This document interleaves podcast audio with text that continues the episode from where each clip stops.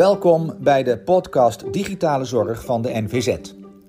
In deze reeks laten we je kennis maken met een aantal mooie voorbeelden op het gebied van digitale zorg. Voorbeelden die op dit moment al praktijk zijn in Nederlandse ziekenhuizen. Deze aflevering gaat over het Virtual Hospital van Maas Ziekenhuis Pantijn. Lisbeth van der Heijden van de NVZ praat erover met bestuursvoorzitter Pauline Terwijn, manager polyklinieken Roald Huiskers en internist-oncoloog Brian Scholtes. Pauline en Roald, um, hartelijk welkom bij deze podcast en fijn dat jullie tijd hebben om ons te vertellen over het Virtual Hospital van uh, Maas Ziekenhuis Pantijn. Um, nogmaals, daar beginnen we nu bijna iedere podcast mee, maar we hadden elkaar heel graag live gezien, maar op dit moment is niet alleen uh, corona, maar ook nog het uh, winterweer en de ijzel van vandaag uh, die roet in het eten gooien. Dus we spreken elkaar telefonisch. Um, Pauline, Pantijn is een bijzondere organisatie met niet alleen een ziekenhuis, maar ook verpleeg- en verzorgingshuizen met servicediensten aan huis en met alle mogelijke vormen van thuiszorg. En daaraan ligt uiteraard een, een, een visie op zorg en gezondheid ten, ons, grondslag. Um, kun je iets vertellen over die visie en hoe een virtual hospital daarin past? Ja, wat je zegt, er zijn maar een paar organisaties in Nederland die zo'n breed palet aan zorg hebben. Um, en bij Pantijn zijn we daar heel blij mee dat we die verschillende vormen van zorg hebben, omdat we geloven dat een inwoner uit de regio verwacht dat de zorg die die krijgt van verschillende zorgverleners wel naadloos aangesloten is op elkaar. En dat kunnen we dus bij Pantijn voor onze eigen onderdelen al nou, makkelijker organiseren. We hoeven dat alleen met onszelf af te stemmen.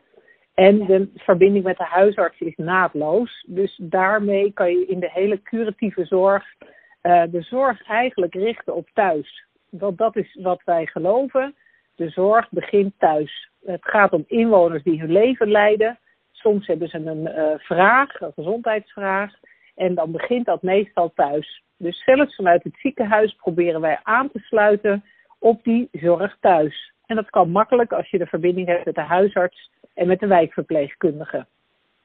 Zo past daar dus in dat die uh, specialist, de medisch specialist en de verpleging eigenlijk nagaan wat doen wij nu in het ziekenhuis en welke vorm daarvan, of welke onderdelen daarvan kunnen we ook thuis aanbieden. En wat is nou het verschil met, zeg maar, de zaakjes gewoon beeldtellen? Want dat gebeurt wel in meer ziekenhuizen, maar jullie noemen het echt een virtual hospital. Ja, we hebben als uitgangspunt dat alle specialismen uh, gebruik kunnen maken van het virtual hospital. Niet zozeer misschien omdat de specialist dat uh, uh, handig vindt of nodig vindt, maar omdat we uitgaan dat die inwoner uh, zoveel mogelijk zijn eigen leven moet kunnen leiden zonder te veel verstoring van op en neer naar dat ziekenhuis. Als het niet nodig is, en dat kan op afstand, dan scheelt dat reistijd, het scheelt georganiseerd. Want heel vaak kom je in het ziekenhuis, maar voor een aantal minuten om de medisch specialist te zien en dan ga je weer naar huis. Er blijft wel altijd in de visie van het Maasziekenhuis een fysiek ziekenhuisgebouw bestaan en een fysieke polykliniek bestaan. Zeker, want er zijn momenten waarop de medisch specialist de patiënt gewoon wil zien, uh, wil onderzoeken, soms een ingreep doet, soms diagnostiek doet die het niet thuis kan doen. Uh, dus er zijn allerlei vormen van medisch specialistische zorgverlening die je niet thuis kan doen. Maar wij draaien hem om en we kijken welke vormen van de zorg wel thuis kan, omdat we ervan uitgaan dat de zorg thuis begint. Als je dat dan combineert met de inzet van de wijkverpleging en de huisarts, ja, wordt het voor de medisch specialist ook soms makkelijker om zorg over te dragen of zorg thuis te geven, waarbij die ook instructie kan geven aan de huisarts of aan de wijkverpleegkundige om dingen thuis te doen waar de patiënt voorheen voor naar het ziekenhuis moest komen. Ja, en vat ik dan het idee goed samen met dat je niet meer vraagt wat kan er thuis, maar dat je vraagt je afvraagt wat moet er in het ziekenhuis. Ja, dat is precies de omkering die we nu uh, maken.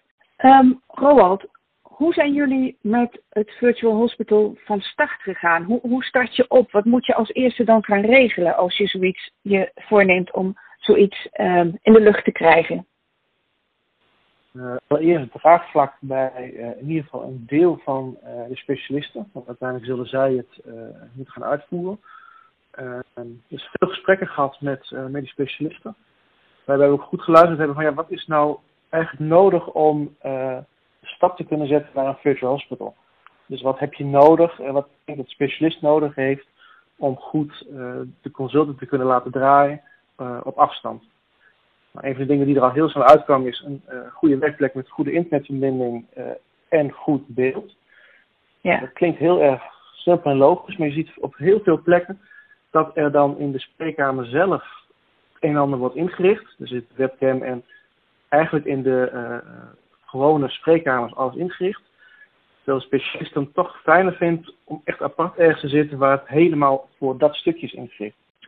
Welke voorzieningen, technisch en qua inrichting van de werkplekken, waren er nodig? Allereerst hebben we besloten dat we echt uh, oneerbiedige belcabines uh, wilden neerzetten. Want zoals ik al aangaf, in de spreekkamer zelf zijn toch wat grotere ruimtes. En uh, qua geluid niet 100% ingericht op echt kunnen bellen. Dus we hebben cabines staan, redelijk geluidsdicht. Zo goed als geluidsdicht, met goede voorzieningen ook qua temperatuur, dat soort zaken om goed te kunnen zitten en ontspannen te kunnen zitten. Maar daarbij ook, bijvoorbeeld als je wilt bellen, dat je niet een headset op hoeft, maar dat je in de computer je telefoonnummer in kunt voeren en dat je van daaruit belt. Het klinkt heel simpel, maar daarvoor heb je gewoon een goede rustige ruimte nodig. en daarbij een goed computersysteem met twee schermen, wat ik al aangaf. een fatsoenlijke webcam die goed de verbinding maakt.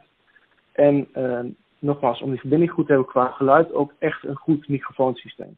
Jij bent manager van de polyklinieken in Maasziekenhuis Pantijn. Hoe past dit virtual hospital in de gewone polykliniekorganisatie? Zijn er speciale spreekuren voor en hoe worden die spreekuren bijvoorbeeld voorbereid? Er zijn aparte spreekuren voor gemaakt. Um, ook daar goed geluisterd naar de specialist. Dus niet vier uur, vijf uur lang zo bellen. Uh, want ervaring is toch dat intensiever is dan patiënt tegenover je tussendoor steeds wat tijd hebben. Omdat de patiënt heen en weer moet lopen naar de wachtkamer. hier gaat het vrij snel achter elkaar door. en daarmee de spreekuren bij elkaar gezet. Dat ze zo'n twee à drie uur zo'n cabine zitten om dadelijk de consult te draaien. Dus er is rekening mee gehouden in de spreekuren. Um, en daarbij ook geluisterd naar een specialist. En het is ook per vakgroep wel iets anders ingericht. Bij de ene vakgroep heb je langer contact met de patiënt dan bij de andere. Dan is het vaak uh, bijvoorbeeld 10 minuten achter elkaar door uh, en dan weer de volgende patiënt. dus daar hebben we gewoon echt gekeken wat is nodig en goed met de specialist weer besproken wat daarin verstandig is. En, en hebben alleen de medisch specialisten een virtual spreekuur? Of bijvoorbeeld ook verpleegkundig specialisten of uh, physician assistants, paramedici? Nee, goede vraag. Dat is inderdaad het geval. Juist uh, ook uh, verpleegkundigen, gespecialiseerde verpleegkundigen, verpleegkundige specialisten maken er veel gebruik van om goed de gesprekken te kunnen voeren met de patiënt, goed de uitleg nog te kunnen geven. En al dat soort zaken. Wij, wij kijken niet zozeer naar de aantallen. Wij redeneren echt vanuit wat verwacht die inwoner uit onze regio nou aan goede zorgverlening. En goede zorgverlening is natuurlijk hele goede kwaliteit van zorg. Nou, dat is geen enkele discussie.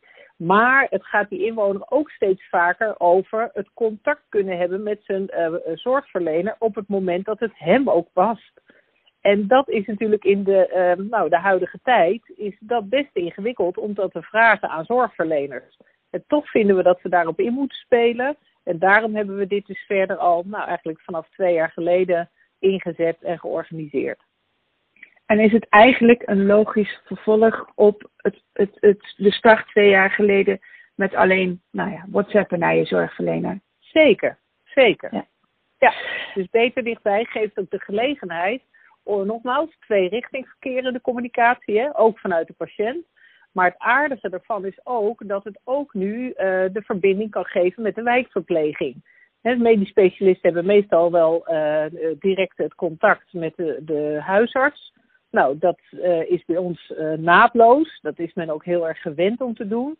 Maar daar voeg je nu aan toe dat ook die wijkverpleging, die bij mensen thuis gewend is om te komen, ja, dat ook die nu aan het arsenaal van de medisch specialist wordt toegevoegd. Waardoor die wel het vertrouwen kan hebben wat er thuis gebeurt, terwijl die toch op afstand uh, nou ja, aangeeft wat er in de zorgverlening moet gebeuren. Roland, wordt de tevredenheid van patiënten gemeten? Ja, die wordt gemeten. Uh, nog niet specifiek op dit gedeelte, omdat we daarin net in de start zitten. Het is vanaf november, december echt gestart in het Virtual Hospital. Uh, dus daar hebben we nog niet voldoende data over om echt te kunnen zeggen uh, dat de patiënt patiënttevredenheid daarmee verbetert. We weten wel dat we daar geen klachten over gekregen hebben. Dus wat er natuurlijk gebeurt hè, als iets nieuw is, dat ook de specialisten en de verpleegkundigen natuurlijk op het vinkentouw zitten om te zien of dit echt wel bijdraagt aan goede zorgverlening. Nogmaals, dat is waar iedereen elke dag natuurlijk zo zijn best voor doet. En we hebben van de specialisten en de verpleegkundigen hebben we hele positieve uitkomsten. Maar dat horen we dus van de patiënten die gezien zijn, horen we dat wel terug. Maar de meting erover is nog te vroeg geweest. Dus dat zal later in het jaar moeten blijken. En is het wel al aan te geven uh, welk percentage van de polykliniekbezoeken op deze manier gaan? Dus hoeveel patiënten er gebruik van maken? 30% is niet fysiek, uh, maar daar zit ook een stuk uh, telefonisch consult bij. We hebben het systeem nog net niet goed genoeg ingericht om nu al te kunnen zeggen: dit is beeldbellen, dit is telefonisch consult. Maar er zit ook een beetje de achterliggende in dat het gaat om het geheel in het verhaal. Dus of het nou per se moet zijn met videobellen of dat het telefonisch kan of via de chip. Nou, een van de medisch specialisten die al veel ervaring heeft met het Virtual Hospital is Brian Scholtes. Hij werkt als internist-oncoloog in jullie ziekenhuis. En we gaan even luisteren naar een interview met hem dat we eerder opnamen. Brian, Maas Ziekenhuis Pantijn heeft voor het Virtual Hospital uh, speciale spreekuurcellen ingericht. Daar ben jij nu. Kun je vertellen hoe je er nu bij zit? Wat zie je als je om je heen kijkt? Ja, het klopt inderdaad dat wij op de begane grond van het ziekenhuis uh, een achttal uh, spreekkamers hebben gecreëerd voor de beeldbellen. En wat moet je daarbij voorstellen? Het is eigenlijk een soort cabine van uh, twee bij twee, als ik het zo inschat. Waarbij er een geluidsdichte kamer eigenlijk is met twee, met twee beeldschermen en een webcam. Om op die manier gesprekken met patiënten te kunnen voeren zowel telefonisch als met beeldbellen, waarbij ik zowel de mogelijkheid heb, één, om in de webcam te kijken en de patiënt te kunnen zien, en op een tweede scherm ook mijn, mijn digitaal EPD uh, te kunnen uh, bekijken met informatie over de patiënt, om zo toch het gesprek te kunnen voeren zoals ik dat normaal in de spreekkamer zou voeren. En het mooie van deze ruimtes is dat ze eigenlijk ook echt gemaakt zijn waarbij de dokter ook op zijn wenken bediend wordt. Dat wil zeggen, uh, je kan je bureau omhoog en omlaag zetten je kan de schermen draaien zoals het jou prettig uitkomt. Er zitten zelfs dimmers voor het licht en uh, een airco-bediening om de temperatuur aan te passen in die cabines. Dus eigenlijk zit je hier met alle gemakken voorzien. Uh, jij werkt als internist-oncoloog in het uh, Maasziekenhuis Pantijn en je hebt al een tijdje ervaring met het werken in een virtual hospital. hoe bevalt dat? Ja, het klopt inderdaad wat je zegt. Ik heb al een aantal jaren ervaring, eh, met name via het platform Beter Dichtbij, waarbij eh, begonnen eigenlijk is met, met app-contact met patiënten, om zo de drempel om te bellen of vragen te stellen duidelijk te verlagen. Dat is eigenlijk het begin geweest van het digitale eh, hospital, om maar even zo te noemen. En eigenlijk deels gestuurd door de coronapandemie, is daar geleidelijk aan steeds meer beeldbellen bijgekomen als, als vervanging voor de lijfelijke consult in het ziekenhuis. Is er een groot uh, verschil tussen de manier waarop jullie begonnen zijn hè, met, met WhatsApp en andere uh, digitale zorg, met zoals je nu werkt in het digitaal, sorry, in het virtueel hospital? Nee, eigenlijk niet. Eigenlijk zijn wij vanaf dag 1 uh, via het Beter Dichtbij platform begonnen, zoals ik al zei, met het appen. En het platform was zo ingericht dat het met een, met een simpele druk op de knop omgebouwd kon worden om ook als beeldbel-app te gebruiken. Die ook voor de patiënten heel gemakkelijk is om niet te veel van techniek te moeten weten, om toch heel makkelijk het gesprek te kunnen opstarten met de specialist of met de verpleegkundige. Want hoe reageren patiënten hierop? Hoe vinden ze het beeld, uh, nou, beeldbellen? Dit is eigenlijk wat meer dan beeldbellen, maar hoe, hoe vinden ze het dat, je, dat ze de dokter op het scherm thuis zien? Nou, ik denk dat het tweeledig is. De patiënten geven een heel vertrouwd gevoel, want ze hebben eigenlijk de dokter in hun broekzak. Dat wil zeggen, op elk moment als ze raad nodig hebben, dan hebben ze een manier om de dokter of de verpleegkundige op een heel makkelijke manier te bereiken via dat appen. En via datzelfde uh, platform uh, kunnen we ook beeldbellen. Dus uh, het zorgt voor heel veel tevredenheid bij de patiënten. Maar het is ook heel makkelijk om op die manier folders naar patiënten te sturen, documenten te sturen. Maar ook andersom, dat patiënten een foto naar de dokter kunnen sturen. Tot voor kort, hè, toen we de app nog niet gebruikten, was het zo als iemand belde van ja dokter, ik heb een vlekje of een plekje of uh, mijn pols is rood of dik. Moest ik tegen die patiënt zeggen, ja kom maar even naar het ziekenhuis, want ik kan door de telefoon niet kijken, dus ik weet niet hoe het eruit ziet. Tegenwoordig kunnen we dus tegen die patiënt zeggen: maak er even een fotootje van, of uh, we gaan dadelijk even beeldbellen, dan kan ik even kijken en kan ik je geruststellen of adviezen geven, of eventueel vervolgafspraken bij een dermatoloog of iets dergelijks maken als het wel iets serieuzers is. En dat is denk ik een extra voordeel uh, van de Beter Dichtbij app, om ook op die manier de patiënten te ontlasten dat ze niet onnodig vaak naar het ziekenhuis moeten komen. Worden patiënten op een of andere manier begeleid in het gebruik van de app of het beeldbellen? Ja, toen wij gestart zijn met de Beter Dichtbij app, hebben we gezorgd dat er een soort ondersteunend team is, die met name de gebruikers op de werkvloer ook duidelijke instructies heeft gegeven. Wat moet je nu de patiënten meegeven om te gaan beeldbellen? Uh, wat is daar nu belangrijk bij was opletten? En dat hebben we ook met, met volle materiaal ondersteund. Waarbij in mijn geval met name de case managers elke nieuwe patiënt of elke patiënt die voor het eerst weer bij mij in de spreekkamer kwam sinds we gestart zijn met dit project, eigenlijk kortdurend een uitleg gaf, een mondeling over hoe werkt de, de app, uh, wat moet je doen om hem te installeren. Uh, en dat ook op schrift hebben meegegeven en ook telefonisch bereikbaar waren voor, voor, voor installatiehulp. Merk je dat een patiënt zich op een andere manier in het gesprek zit um, als die recht tegenover jou zit uh, in de spreekkamer dan wanneer hij jou in een virtueel hospital spreekt? Nee, eigenlijk niet. Dat wil zeggen, zo'n zo'n beeldbelconsult is eigenlijk een, een, ideale oplossing voor patiënten die je niet lijfelijk hoeft na te kijken. Dus patiënten waar je niet naar klieren hoeft te voelen, waar je, geen borstonderzoek hoeft te doen of iets dergelijks. Hè. Die kan je eigenlijk een hele hoop tijd en, en ja, tijd besparen, doordat ze eigenlijk niet naar het ziekenhuis hoeven te komen, eerst een parkeerplaats nog zoeken, uh, in de wachtkamer plaatsnemen. Uh, een dokter kan wel eens uitlopen hè, en, daar hun tijd voor doen, alvorens ze in de spreekkamer komen. Nee, nu kunnen ze thuis in hun eigen vertrouwde omgeving wachten op het belletje van de dokter en op dat moment uh, dus maar relatief beperkt tijd kwijt zijn om toch hun vragen te kunnen stellen aan de dokter en toch het consult te laten plaatsvinden. En merk je dat dat voor patiënten van alle leeftijden zo geldt? Ja, ik was er verbaasd over hoe makkelijk ook mensen van oudere leeftijd toch hier heel goed mee konden omgaan.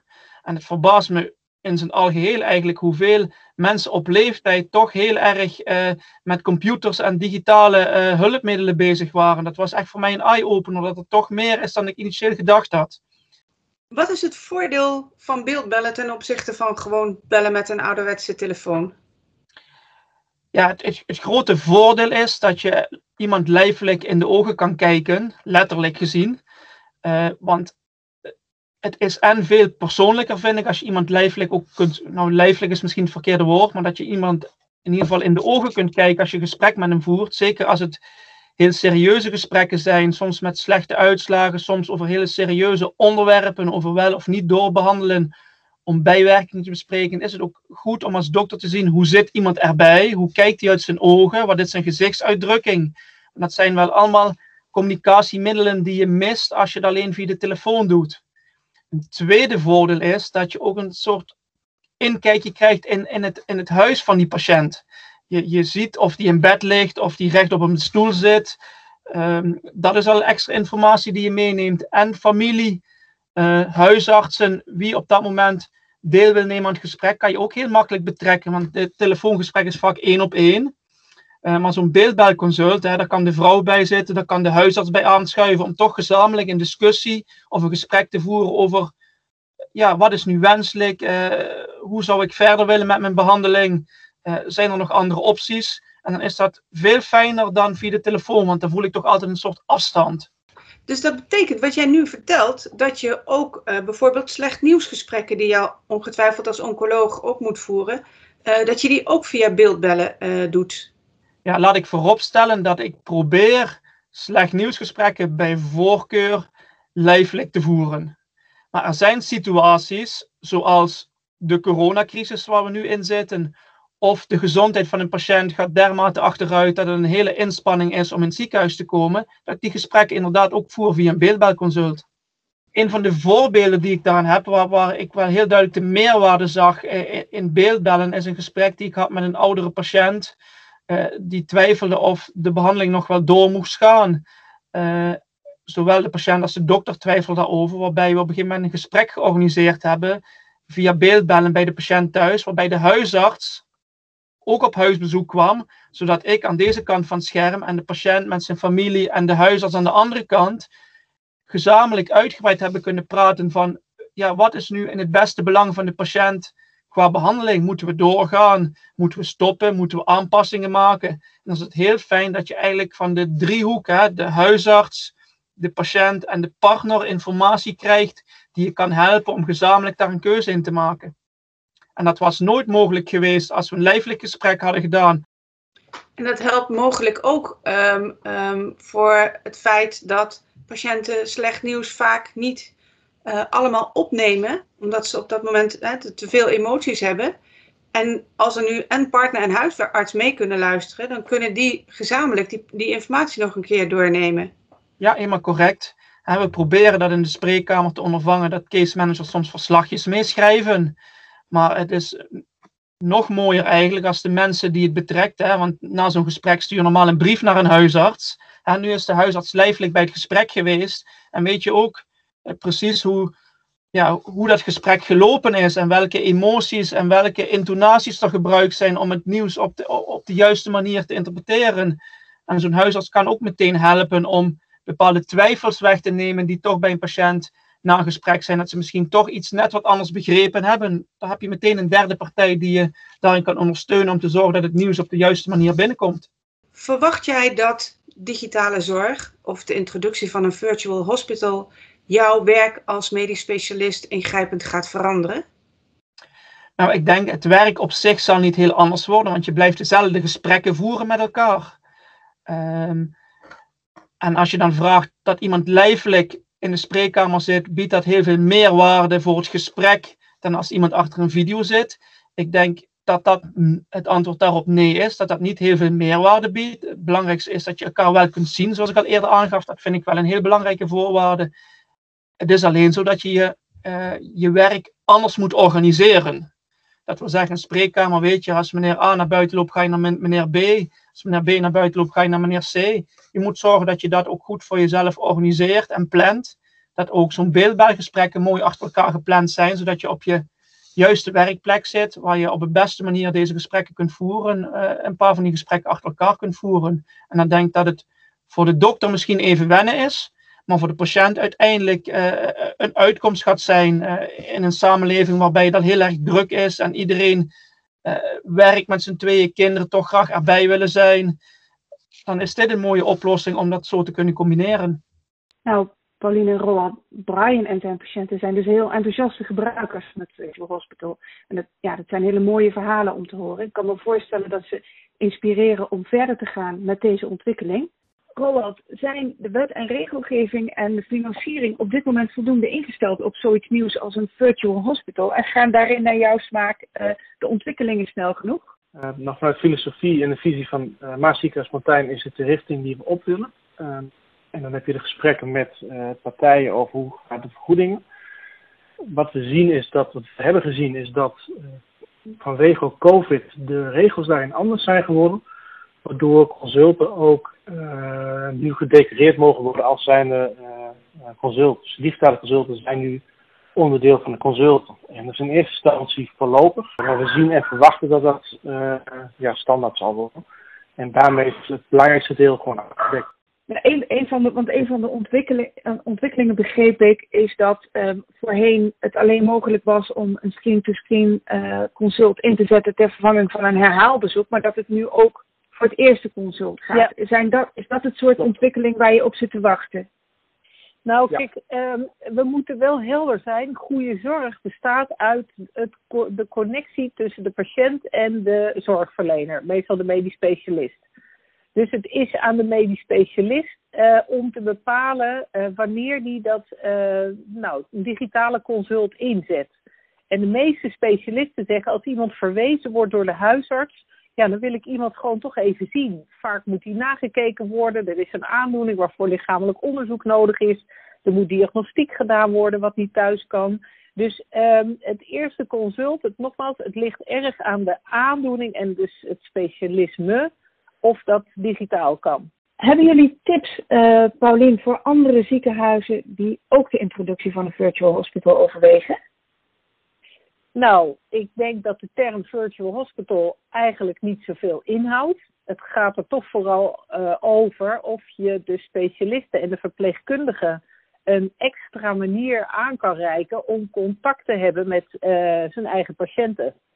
Um, dus dat is mijn eerste tip. Uh, en beter dichtbij is daarin gewoon een bewezen manier om in te zetten die specialisten graag gebruiken, maar die bij de patiënt ook heel goed werkt. En de tweede tip is, ja, ken je wijkverpleging. De meeste mensen en de meeste specialisten kennen de huisartsen goed, maar ken je wijkverpleging omdat zij namelijk de verbinding met de patiënt thuis leggen en daarin zorgverlening door kunnen zetten die in het ziekenhuis gestart is of vanuit het ziekenhuis gestart wordt. Roald, heb jij daar nog een aanvulling op eventueel? Ik denk dat het ook belangrijk is om te blijven kijken wat de ontwikkelingen zijn eh, in de markt. Nou, we zien virtual reality steeds meer ontstaan. Artificial intelligence uh, gaat uh, zijn invloed steeds meer doen. Dat zijn wel de ontwikkelingen die in de gaten moeten houden. Die passen volgens mij in de beeldvorming en de uh, wijsgang van zulke draaien ook met de patiënt in de toekomst. Is dat ook, uh, Paulien, de manier waarop jij uh, naar de toekomst kijkt? Ja, ik denk zelf dat er steeds meer zorg verschuift. Uh, wij zeggen zelf, degene die de zorg thuis heeft, die heeft de toekomst. Ehm, want alles wordt daar verder van afgeleid. Mensen zullen steeds meer verwachten dat ze thuis kunnen doen. Uh, nogmaals, in contact, in diagnostiek thuis, in uh, afstemming uh, met een huisarts en de wijkverpleging. En dat zal steeds verder uitgebouwd worden. En als ziekenhuizen die aansluiting daarbij niet hebben, ja, dan wordt het steeds ingewikkelder, denk ik, om die nog te maken. Er zullen altijd ziekenhuisgebouwen zijn. Ik heb geen idee hoe groot ze zullen zijn over twintig jaar. Maar wat ik wel weet is dat er gewoon steeds meer zorg verschuift. En dat dat vraagt van ons om daar heel flexibel op in te spelen. Nogmaals, in het belang van wat die inwoners van ons verwachten. Roald en Paulien, dank je wel uh, voor jullie verhaal. Voor uh, het mooie voorbeeld dat jullie ons hebben willen vertellen. Um, en fijn dat degenen die dat willen, jullie volgende week tijdens de online lunchbijeenkomst nog verdiepende vragen of verdere toelichting uh, kunnen uh, stellen. Um, graag tot dan en dankjewel.